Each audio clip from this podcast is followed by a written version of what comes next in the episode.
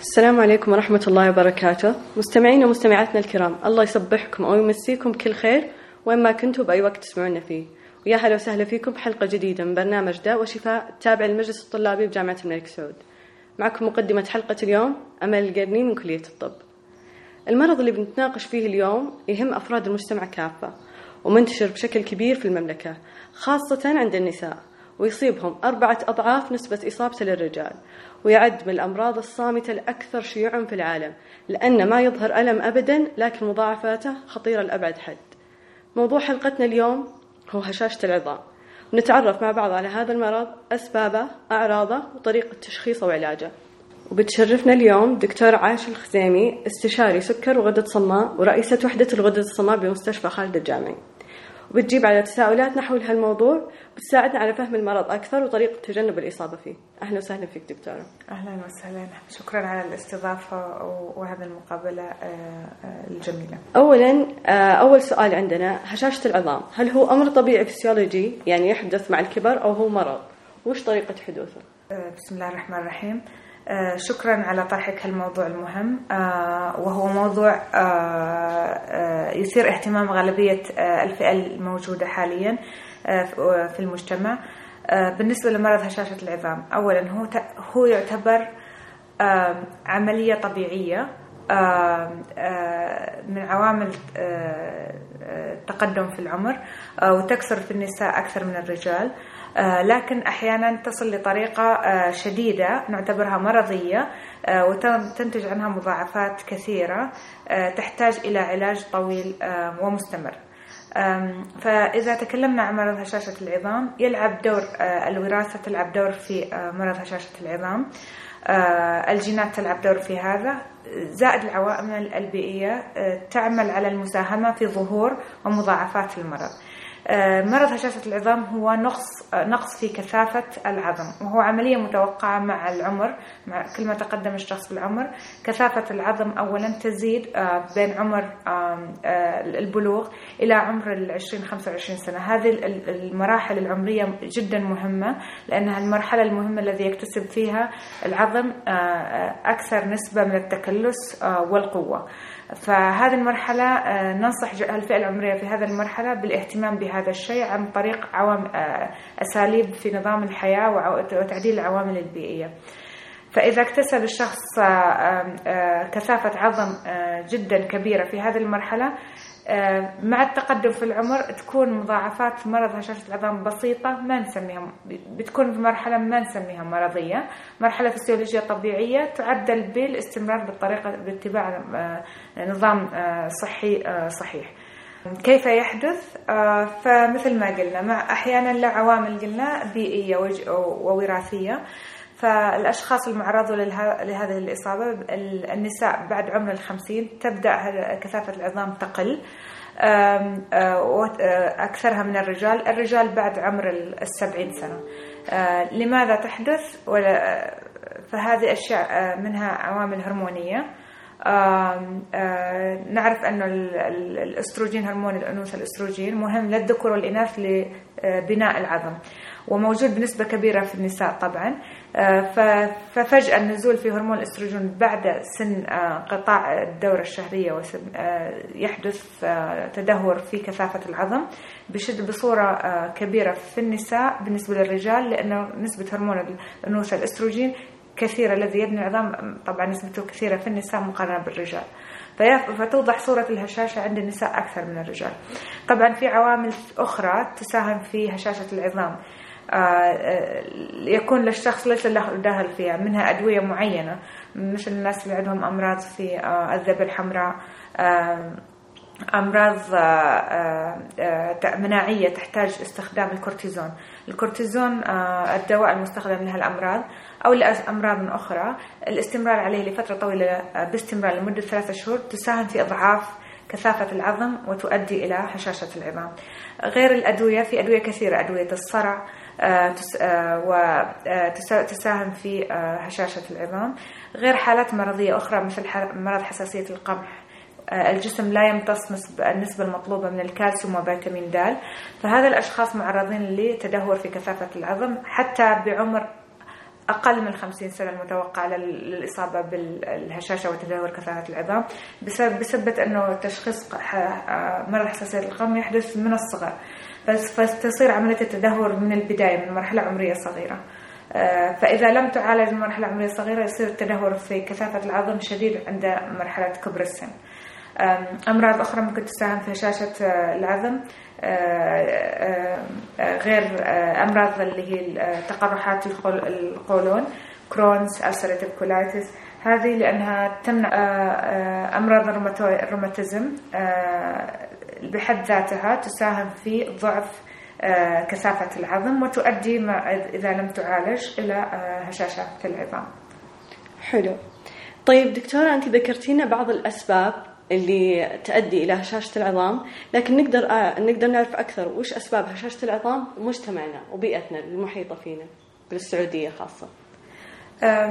الشيء المهم اللي هو بناء كثافة العظم مثل ما تكلمنا في مرحلة البلوغ في المرحلة العمرية التي تكون فيها نسبة كثافة العظام عالية. تهمل من ناحيتنا عن طريق التغذية السيئة بالنسبة لنا. لا نهتم بالتغذية السليمة. أعني بالتغذية السليمة. تناول الأغذية المدعمة بالكالسيوم وفيتامين د والتعرض للشمس. ووضع الأوضاع البيئية عندنا حرارة الشمس شديدة. لا تسمح للناس بالخروج والتعرض للشمس بسبب الجو شديد الحرارة الذي لا يتحمل له أكثر الناس. فالمصدر الأساسي لفيتامين د لحياة العظام هو الشمس. هذا المصدر الأساسي. فطبعا طبيعة الجو تمنع الناس من الخروج. الشيء الثاني الغذاء. أكثر الناس يهمل تناول الأغذية المدعمة بالكالسيوم مثل الألبان الأجبان ومشتقاتها البقوليات المدعمة بالكالسيوم والعصائر التي تباع حاليا المدعمة بالكالسيوم فالتغذية والاهتمام بالصحة في المرحلة العمرية المبكرة هي السبب المهم لضعف العظام فيما بعد وظهور ضعف في كثافة وهشاشة العظام في المرحلة المتقدمة من العمر. طيب دكتورة يعني وش وش هي أعراض هشاشة العظام؟ يعني مثل واحد يقول أنا أشك إن فيني شيء مو طبيعي من ناحية العظام بروح الدكتور وأفحص. طبعا مثل ما ذكرتي المرض هشاشة العظام مرض صامت ليس له أعراض. عند الناس مفهوم إنه الإصابة بآلام في في في العظام في جميع أنحاء العظام هو علامات لبداية الهشاشة، هذا مفهوم غلط. لأنه آلام في العظام أسبابها كثيرة زيادة في الكالسيوم نقص في الكالسيوم أسباب ثانية أخرى. لكن هشاشة العظام مرض صامت. متى يكتشف؟ مكتشف لما يوصل الشخص لمرحلة المضاعفات وهي كسر. لما يبدأ الشخص يلاحظ في كسر في المفصل كسر في العمود الفقري وتكتشف أحيانا بالصدفة المريض رايح للدكتور عشان سبب ثاني. تحدث إنه يسوي له أشعة على الظهر أو أشعة على البطن فيكتشف إنه في كسور في الفقرات ما حس فيها المريض. أو أحيانا يجي المريض عنده كسر في الفقرات ما حس فيها وصار الألم مستمر ألم في الظهر من وجود هذا الكسر. بس بشكل عام هو صامت لا يعاني المريض منه إلا إذا وصل مرحلة الكسر فتبدأ أو إنه شخص لأسباب ثانية سوى اشعات و لتشخيص أمراض أخرى واكتشف عنده وجود الكسر أو هشاشة في العظم حلو. طيب بالنسبة لمضاعفات المرض هل هي بمكان معين بالجسم أو يأثر على كافة الأعضاء وكافة الجسم؟ بالنسبة لمرض هشاشة العظام يؤثر على مناطق معينة في الجسم لأن بطبيعة هذه المناطق تأثير الهرمونات اللي تكلمنا عنها هرمونات الذكورة والأنوثة على تكون هشاشة العظام في أماكن معينة.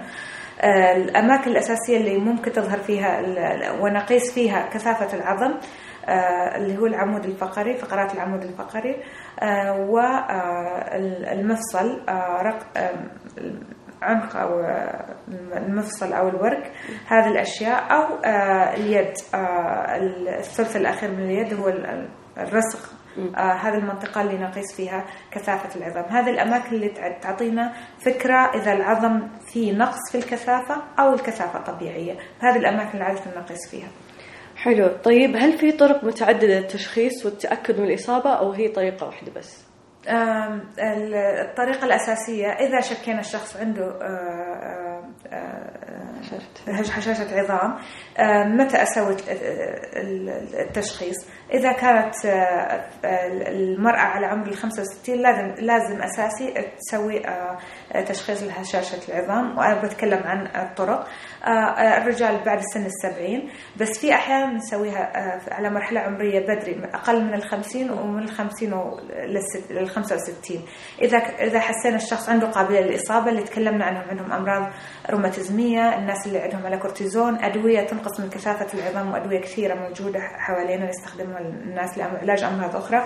ناس عندهم حساسية القمح ناس عندهم آه، نشاط في الغدة آه، الدرقية ناس عندهم مرض الكوشنج واللي هو زيادة إفراز الكورتيزون أو نشاط الغدد الجارات الدرقية تسبب في هشاشة العظام. هذا الناس أنا أجتهد من نفسي إذا عندهم هالأمراض أطلب لهم الفحوصات اللازمة أو بعد العمر ال 65 عند النساء وال 70 عند الرجال. أسوي لهم الفحوصات المطلوبة، الفحوصات المطلوبة عادة فحص كثافة العظم بإجراء آه، أشعة الدكسا. آم، آه، الدكسا الأشعة هذه الدكسا آه، تقيس كثافة العظم في المناطق اللي تكلمت عنها الرسغ ال- ال- المفصل والفقرات العمود ال- الفقرات ال- العمود الفقري. هذه واحد منها. في أحيان تحاليل دم نسويها نسميها بون ماركر علامات ال ال ال ال الحيوية المؤشرات الحيوية. آه، لكثافة العظام. في أغلب المستشفيات غير موجودة عندنا في المملكة ان آه، جنرال بشكل عام. في مستشفيات معينة موجودة. فعادة الشيء الاساسي نعتمد على اشعه الدكسا ونعتمد على العلامات الحيوية إذا متوفرة. وطبعا لازم نقيس فيتامين د والكالسيوم عند كل مريض. أشك عنده هشاشة لأنها تؤدي إلى ضعف في في ال- ال- ال- العظام. هذه الأشياء الأساسية. حلو. طيب دكتورة وش الطريقة ال- آه، طريقة الوقاية المثلى واللي لازم الكل يتبعها؟ آه، الوقاية آم، آه، ما تكلمنا عن المضاعفات. المضاعفات الأساسية هي للمرض هي حدوث الكسور. الكسور لها نسبة وفاة عالية عند الناس الكبار في السن إذا تعرضوا للكسور خاصة في منطقة الم- المفصل. تعرضهم للكسر تزيد نسبة الوفيات من الكسور هذه. هذا واحد. آه، تؤدي إلى طبعا آه، إعاقة في الحركة إذا في كسور والمريض يخضع لعمليات جراحية لتعديل الكسور وأحيانا تكون صعبة طبعا. كيف نقي منها؟ نتأكد أولا ال- ال- آه، الغذاء السليم المدعم بالكالسيوم وفيتامين د للتعرض للشمس. أحيانا مثل ما قلنا الوضع صعب أن الشخص يطلع لأشعة الشمس والتعرض فيه بالجو الحار. فناخذ فيتامين دي في الأغذية والمكملات آه، الموجودة.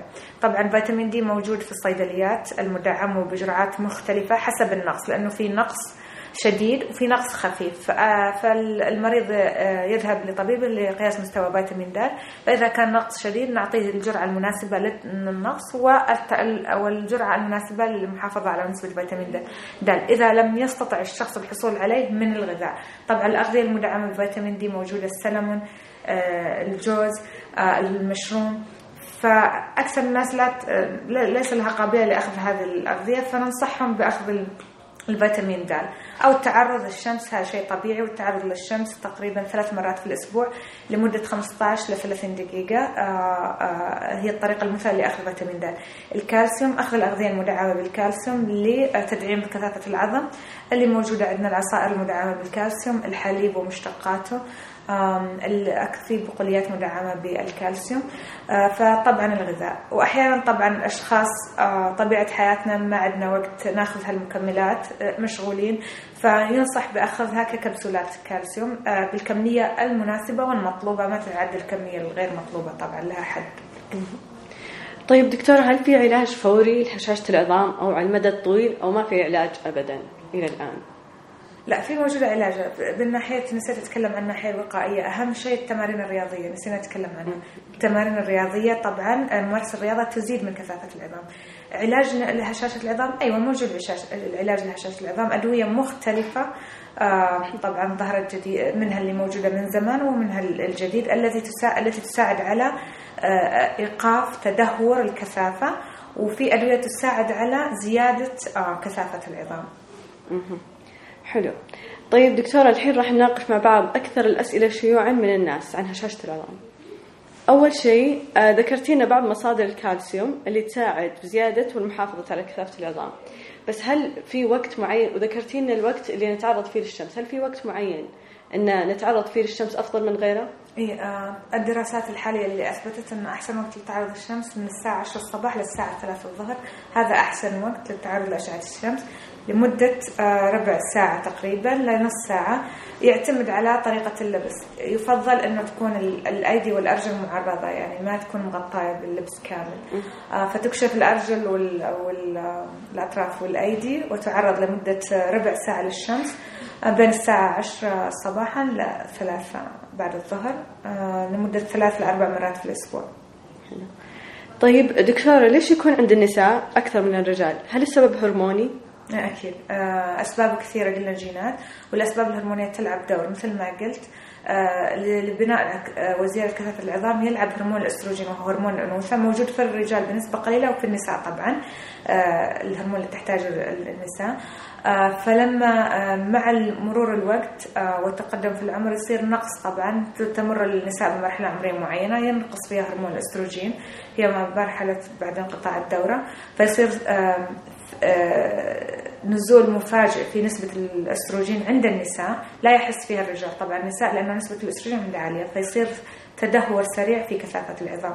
بالإضافة إلى أن النساء بطبيعتهم العظام عندهم سماكتها. آه، آه، ضعيفة كبداية آه، مقارنة بالرجال. فهذا تلعب دور النساء أنهم تجيهم هشاشة العظام أكثر من من الرجال. طيب هل تلعب الوراثة دور في هشاشة العظام يعني ممكن ينتقل من الأم لابنها جينيا؟ ممكن ممكن في جينات الحين هذا الدراسات الحالية تبدأ دراسة الجينات المتوارثة والتي تسبب هشاشة العظام في العائلة هل ينتقل؟ لا ينتقل بطريقة وراثية بس هو إذا كان في أمراض جينية معينة مثل إحنا نسميها ال osteogenesis imperfecta مرض ترقق العظام. هذا مرض جيني من الصغر وله مراحل مختلفة منها النوع الشديد ومنها المختلف هذا ممكن من هالأنواع آه، الجينية اللي تصيب الجينات تنتقل أيوه في العائلة وأفراد العائلة، لكن مرض هشاشة العظام آه، إذا ما كان له سبب مسببات الجينية لا لا ينتقل في العائلة آه، حسب طبيعة الحياة طبعا والنظام النظام الغذائي للإنسان. تمنع الأشياء. حلو. طيب هل الرياضة علاقة بهشاشة العظام سواء كثرة الرياضة أو قلتها؟ أكيد. الرياضة طبعا مهمة. مو رياضة آه، ممارستها بشكل منتظم تزيد من كثافة العظام خاصة ننصح فيها للبالغين في مرحلة البلوغ وحتى الأطفال. آه، وحتى كبار السن. المشي ثلاث 30 آه، دقيقة لمدة ثلاث لأربع مرات في الأسبوع تساعد على زيادة كثافة العظم لجميع المراحل العمرية. مرة مهمة الرياضة. بس بطريقة معقولة وليس بزيادة عن المطلوب لأنه زيادة الرياضة آه، طبعا في عند المراهقات طبعا الوزن شيء مهم فيحرصون على ممارسة الرياضة بشكل آه، الزائد عن المطلوب ونزول في الوزن المفاجئ وطبعا وامتناعهم عن التغذية هذه تسبب هشاشة العظام وتدهور في كثافة العظام. آه، الرياضة الشديدة التي تساهم في أضعاف كثافة العظام غير مطلوبة. فالرياضة بشكل معقول ومنتظم تزيد من كثافة العظام مع التغذية السليمة الصحيحة حلو. طيب كثير من الأهالي خاصة الأمهات يسألون هل شرب المشروبات الغازية يؤدي لهشاشة العظام مباشرة؟ أي, آه أي هذا مصطلح منتشر عند الناس. أيوة المشروبات الغذائية المشروبات الغازية تضعف هشاشة العظام. هي ما تضعفها لو فهمنا بمصطلح علمي آه، في دراسات كثيرة طلعت على المشروبات الغازية وخاصة الصودا. آه، لأن فيها حمض الفوسفوريك. آه، فهل هو يسبب هشاشة عظام؟ لسه لم تثبت الدراسات أنها تسبب هشاشة عظام. لكن السبب الرئيسي وراء حدوث هشاشة العظام شافوا علاقة بين الناس تشرب مشروبات غذائية غازية بكمية كبيرة وحدوث الهشاشة لأنهم ينسون يشربون الحليب المكمل الغذائي الغني بالكالسيوم. مش عشان المشروبات الغازية لا. لو أعطيتي أشخاص يحبون المشروبات الغازية ينسوا يأخذوا الحليب والألبان والمشتقات ويعتمدوا على المشروبات الغازية. أكيد تضعف الكثافة العظام لأنهم يستبدلوا المشروبات الغازية بالأشياء المهمة الغنية بالكالسيوم ومدعمة بالفيتامين د. حلو. طيب هل إعطاء فيتامين د للأطفال بشكل يومي من الصغر يؤدي الوقاية من هشاشة العظام؟ أكيد. آه، طبعا تنصح جميع الجمعيات آه، المهتمة بأمراض هشاشة العظام والعظام نفسها آه، بأخذ فيتامين د عند الأطفال الرضع الرضع المولودين لعمر سنة الذي اعتمادهم على الرضاعة الطبيعية لأنه حليب الأم ما في أي نوع من فيتامين د. فيحتاجوا إلى طبعا مكمل فيتامين د ك supplement نعطيهم إياه بوحدة 400 وحدة international unit للأطفال الرضع من 200 ل 400 وحدة. والأطفال بعد عمر السنة أيوة يحتاجون مكملات آه، فيتامين د. آه، إذا لم يتعرضوا للشمس إذا لم يحصلوا على كفايتهم من الغذاء أيوة يحتاجون. فالمطلوب الوحدة المطلوبة لها الأعمار من عمر السنة. لعمر ال 50 آه، سنة 400 ل 600 وحدة international unit وحدة يوميا للمحافظة على كثافة العظم. إلا إذا طبعا هناك نقص شديد طبعا يعوض بجرعات أعلى. الناس اللي من عمر 70 وما فوق يحتاجون لجرعات أعلى. طبعا 600 آه، وحدة international unit يوميا للمحافظة على آه، كثافة العظم. حلو. طيب هل الأم المرضعة تقدر تستغني عن الرضاعة بحليب؟